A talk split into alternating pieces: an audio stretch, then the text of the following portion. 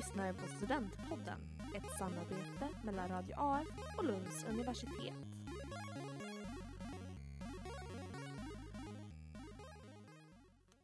Hej och välkommen till Lunds universitets Studentpodden. Mitt namn är Johanna Molin och idag ska vi prata om att välja utbildning och skillnaderna mellan fristående kurser och program. Med oss idag så har vi Lisa och Malin. Hej! Hej! Vad pluggar ni för något? Eh, Jag pluggar fristående kurser i medie och kommunikationsvetenskap eh, och statsvetenskap. Ja, och jag pluggar termin 6 på biomedicinprogrammet. Var det era första val när det kommer till utbildning? Ja. Ja, samma här. Hur, visste ni det direkt efter gymnasiet eller hur kom ni fram till att det var det ni ville plugga? Jag har faktiskt en ganska komplicerad väg dit så vi kanske kan börja med dig, Ja. Malin.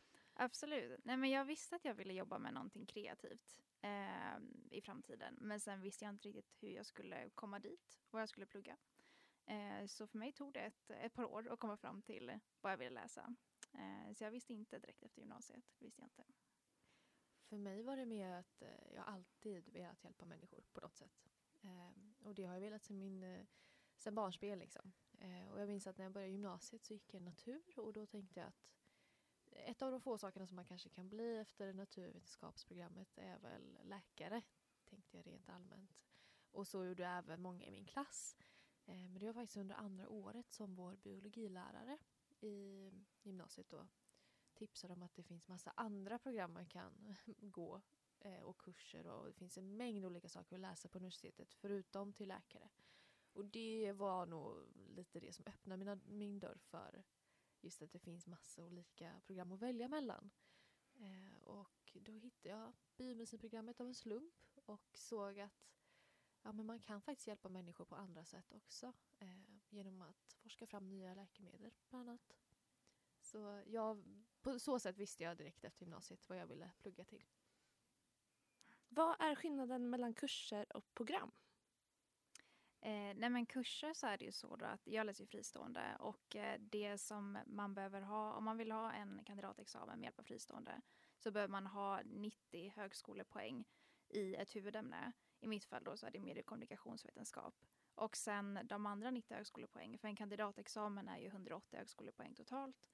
Och de andra 90 högskolepoängen så kan man då välja vad man känner för att läsa. Eh, och då söker man ju termin för termin. Eh, och det skiljer sig lite från hur program fungerar. Precis, för du Malin, du skräddarsyr nästan din examen.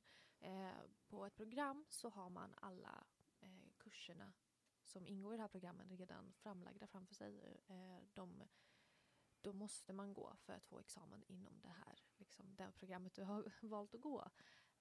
Så i mitt fall exempelvis så kan inte jag ändra på ett program eller ändra på någon kurs. Jag kan inte lägga till eller ta bort en kurs utan det är liksom jag har 180 poäng som är utspridda på ett eh, antal kurser som jag måste läsa. Däremot vet jag att det finns flera program, exempelvis molekylär eh, biologi på Lunds universitet, där man kan, eh, jag tror att det är en hel termin som man kan ha eh, valfribara kurser som man kan läsa till sin examen och då ingår de i examen. Eh, men på de allra flesta programmen så har du liksom kurser som du ska gå eh, redan satta. Hur fungerar det när man söker och hur blir man antagen till en kurs eller ett program? Ja, alltså antagning på tester kan till synes vara en ganska komplicerad sida vid första anblick. Eh, för det finns så mycket kurser, det finns så mycket program att välja mellan och det står massa olika grejer om dem, helfart och deltid och vad betyder det här och det här liksom. Eh, men eh, när man väl sätter sig in i det lite och verkligen klickar på den här lilla läs mer-rutan som brukar finnas nära ett program eller en kurs så står det oftast allt man behöver. Hur många poäng kursen eller programmet innefattar. Eh, hur, eh, om man läser det till 100% eller 50% eh, och så vidare. Och då kan man också, jag har för mig att det finns en liten knapp där det står ansök. och då ansöker man och har man behörighet så ja, Mm. har man chans att komma in. Just det med behörighet, det finns ju grundläggande behörighet då Precis. som man behö- alla behöver för att kunna läsa på universitetet. Och sen finns det också särskild behörighet om det är några ämnen utöver den grundläggande behörigheten som men man behöver, behöver ha för att kunna läsa Precis. utbildningen. Och då står det också det antar jag. Mm. Just grundläggande behörighet och eh, särskild behörighet som man behöver Yes. för att kunna söka kurser och programmet. Eh, annars när man väl har eh, gjort sig lite bekväm med hemsidan så är det väldigt enkelt. Eh, och jag tror vi kommer in på det senare men det här med prioritering är jätteviktigt. Att prioritera vilken som står som förstahandsval, andrahandsval och så vidare. Mm. Prioritering säger du. Mm. Berätta. Jo, när man söker eh, program i mitt fall exempelvis. Så jag sökte biomusikprogrammet i massa olika städer. Eh, I Lund, Uppsala, Stockholm. Ofta söker man i fler än en stad för att öka sina chanser att komma in någonstans. Men då är det viktigt att prioritera dit man vill komma mest som först. Så förstahandsvalet exempelvis var Lunds universitet för mig så då satte jag det som först. Eh, och trots att man kanske inte har betygen för det om man exempelvis väljer något program eller kurs så är det jätteviktigt att man sätter det programmet eller kursen som förstahandsval. För det finns alltid en chans att man kommer in.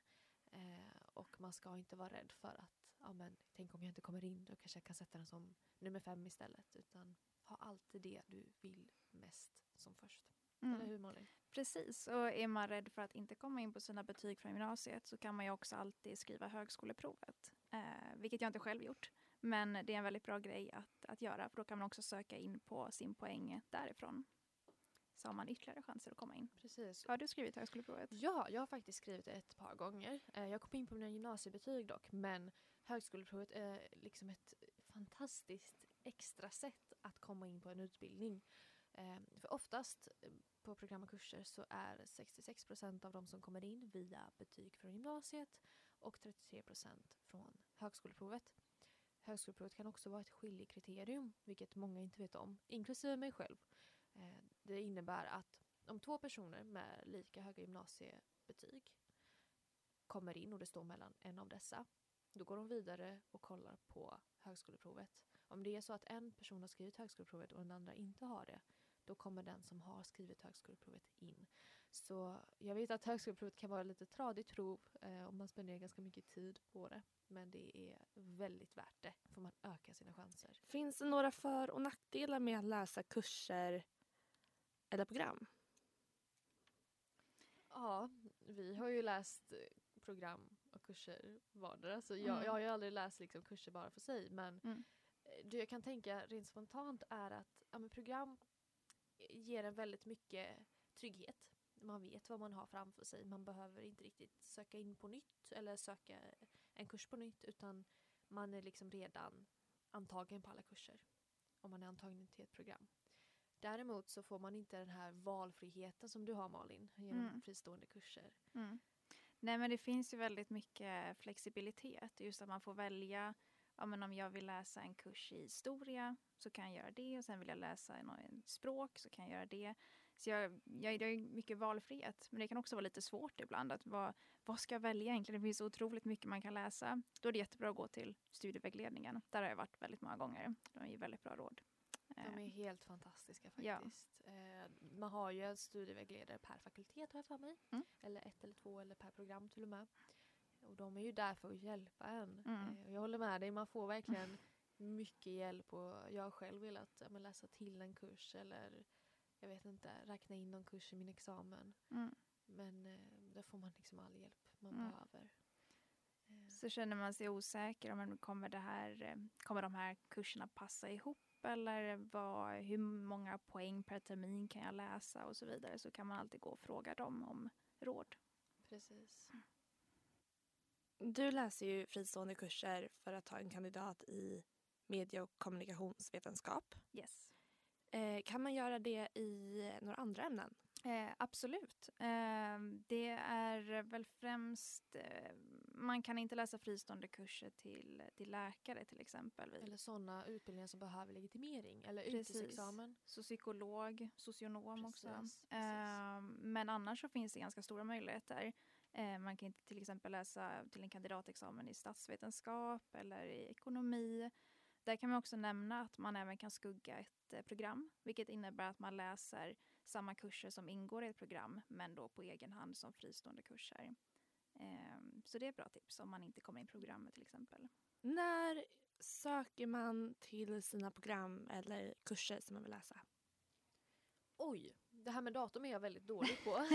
Men jag tror att det är 15 april som är sista ansökningsdagen för Yes, det höstterminer. Ja, och sen är det 15 oktober till Just vårterminer. Det, just det. Så det är, de datumen är viktiga att hålla koll på. Och när får man då besked om man har kommit in eller inte? det. Det är väl, jag tror att de här beskeden är upplagda på två urval. Mm. Man kan komma in på första urvalet eh, och sen om man inte kommer in på första urvalet kan man komma in på andra urvalet. Första urvalet är väl kring någonstans i juli har jag för mig om jag inte Yes. missminner Det mig. brukar komma runt min födelsedag som är den 12 juli. Så jag, någonstans där så. Skräckblandad förtjusning ja där. men verkligen. Eh, och kommer man in som reserv som mig själv eh, på andra urvalet så eh, får man det beskedet i augusti. Mm. Eh, någonstans i början, också runt 12 tror jag.